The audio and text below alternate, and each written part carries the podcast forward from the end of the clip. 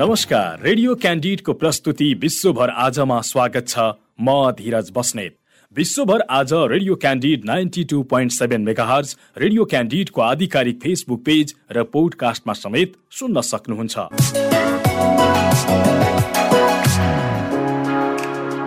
विश्वभर आजमा हामी विश्वभर घटेका ताजा र विशेष घटना समेटिएका समाचार सामग्री प्रस्तुत गर्दै आएका छौँ। विश्वभर आज हरेक दिन बेलुका आठ बजेको क्यान्डिड फटाफटपछि प्रसारण हुँदै आएको छ।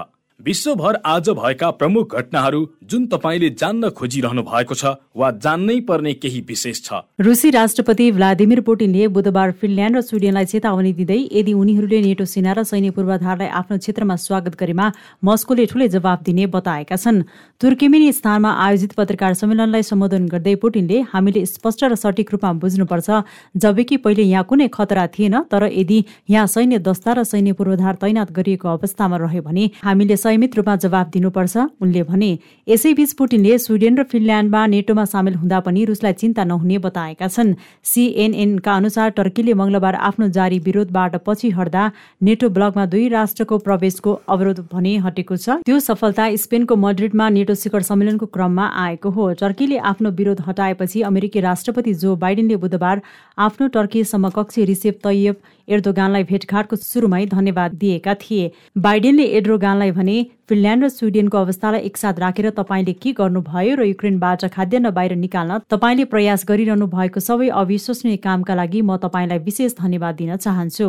युक्रेनबाट अनाज निर्यात गर्ने विषयमा टर्कीले रुससँग छलफल गरिरहेको छ। एर्डोगानले कूटनैतिक माध्यमले युक्रेनबाट अन्न बाहिर निकाल्न मद्दत गर्नेछ भन्ने आशा राखेको पनि सिएनएनले उल्लेख गरेको छ।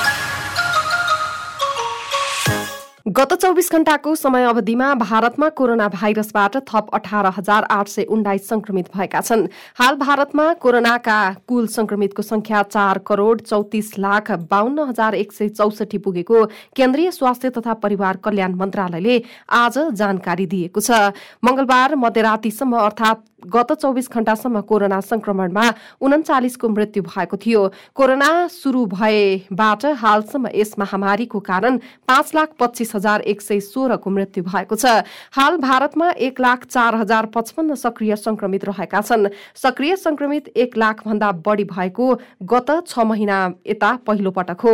पछिल्लो एक दिनमा तेह्र हजार आठ सय सत्ताइस कोरोना भाइरसबाट संक्रमण मुक्त भएका छन्। यो सँगै भारतमा अहिलेसम्म संक्रमण मुक्त भएको कुल संख्या चार करोड़ अठाइस लाख बाइस हजार चार सय त्रियानब्बे पुगेको छ। कोरोना भाइरस निको भएको यो दर अन्ठानब्बे दशमलव छ एक प्रतिशत रहेको छ।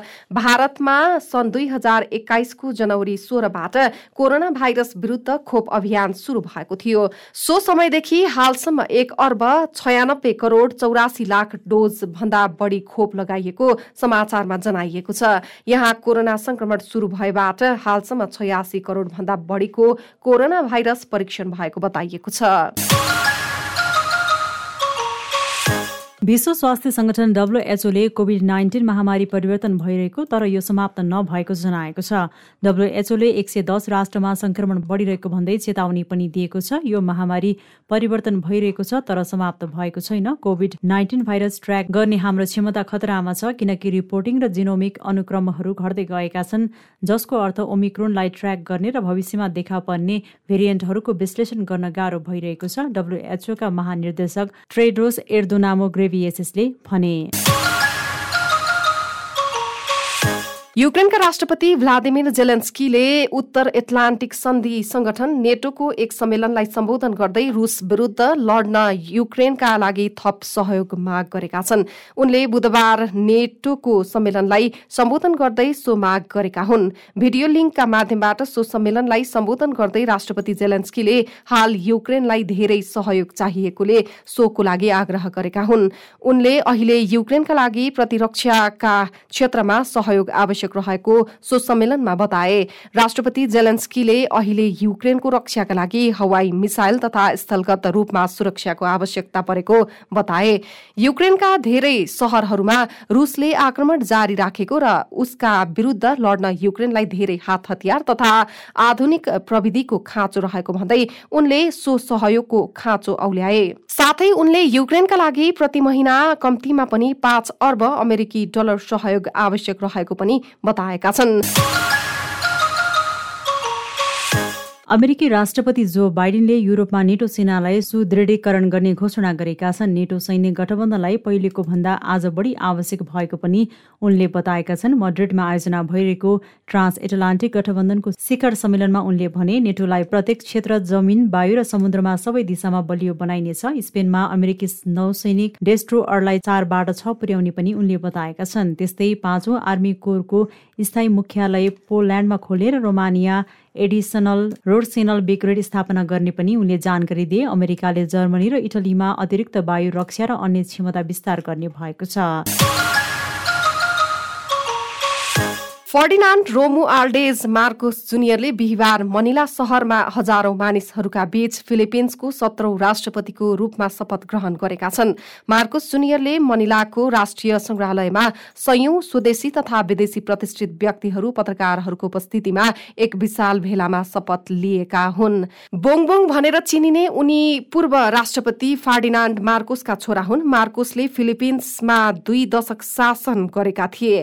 मार्कोसले वर्तमान उपराष्ट्र राष्ट्रपति मारिया लियोनोर रोब्रेडोलाई निर्वाचनमा पराजित गरेका थिए। फर्नान्ड रोमु आल्डेज मार्कोसले छ वर्षको कार्यकालपछि जुनमा राजीनामा दिएको अल जजिराले उल्लेख गरेको छ। चिनिया उपराष्ट्रपति वाङ किसान र संयुक्त राज्य अमेरिकाका उपराष्ट्रपति कमला ह्यारिसका श्रीमान डग एम होफ लगायतका विदेशी व्यक्तित्वहरूले शपथ ग्रहण समारोहमा उपस्थिति जनाएका थिए।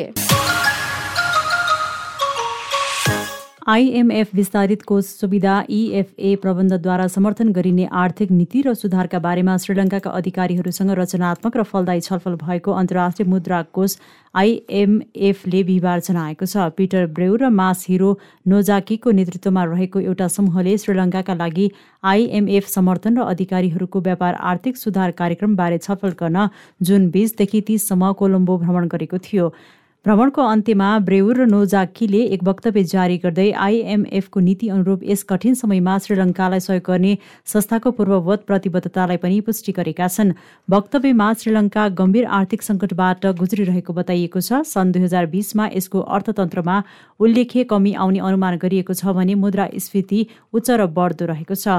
समूहले वृहत आर्थिक र रचनागत नीतिको प्याकेजलाई परिभाषित गर्ने सन्दर्भमा उल्लेखनीय प्रगति भएको र निकट भविष्यमा आइएमएफ प्रबन्ध सम्बन्धी कर्मचारी स्तरीय सम्झौता गर्ने उद्देश्यले छलफल लगभग जारी रहेको पनि विज्ञप्तिमा उल्लेख छ। श्रीलङ्काको सार्वजनिक कर्जा दिगो समस्या नभएको मूल्याङ्कन गरेको हुनाले श्रीलङ्काका अधिकारीहरूसँगको छलफलले म्याक्रो इकोनोमिक असन्तुलनलाई सच्याउन सार्वजनिक ऋण स्थायित्व पुनर्स्थापित गर्न र श्रीलङ्काको विकास क्षमतालाई साकार पार्न व्यापक आर्थिक कार्यक्रमको योजनामा ध्यान केन्द्रित गरिएको थियो।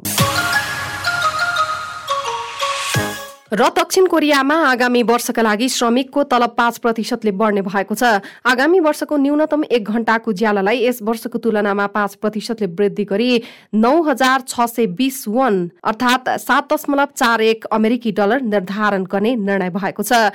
सोजङ स्थित सरकारी कम्प्लेक्समा बुधबार राति बसेको पूर्ण बैठकमा श्रम व्यवसायी र सर्वसाधारणबाट नौ नौ सदस्य रहेको न्यूनतम ज्याला निर्धारण समितिले निर्णय गर्दै आगामी वर्षका लागि श्रमिक श्रमिकको ज्याला पाँच प्रतिशतले वृद्धि गर्ने भएको हो। यससँगै दुई हजार तेइस जनवरीदेखि श्रमिकले मासिक तलब बीस लाख दस हजार पाँच सय अस्सी बोन पाउने भएका छन्।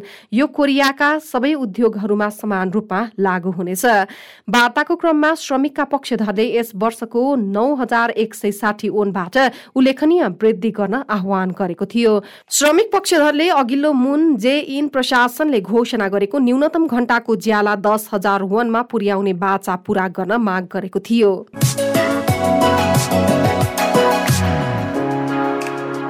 विश्व गतिविधि रेडियो क्यान्डिडको दैनिक प्रस्तुति हो। तपाईँले रेडियो क्यान्डिडको वेबसाइट आधिकारिक फेसबुक पेज र पोडकास्टमा सुन्न सक्नुहुनेछ। सँगै खबर हब डट कममा पनि विश्व गतिविधि पढ्न सक्नुहुनेछ। भोलि फेरि यसै समयमा विश्व गतिविधि बुलेटिन लिएर उपस्थित हुनेछौँ। आजलाई भने बिदा दिनुहोस्। नमस्कार।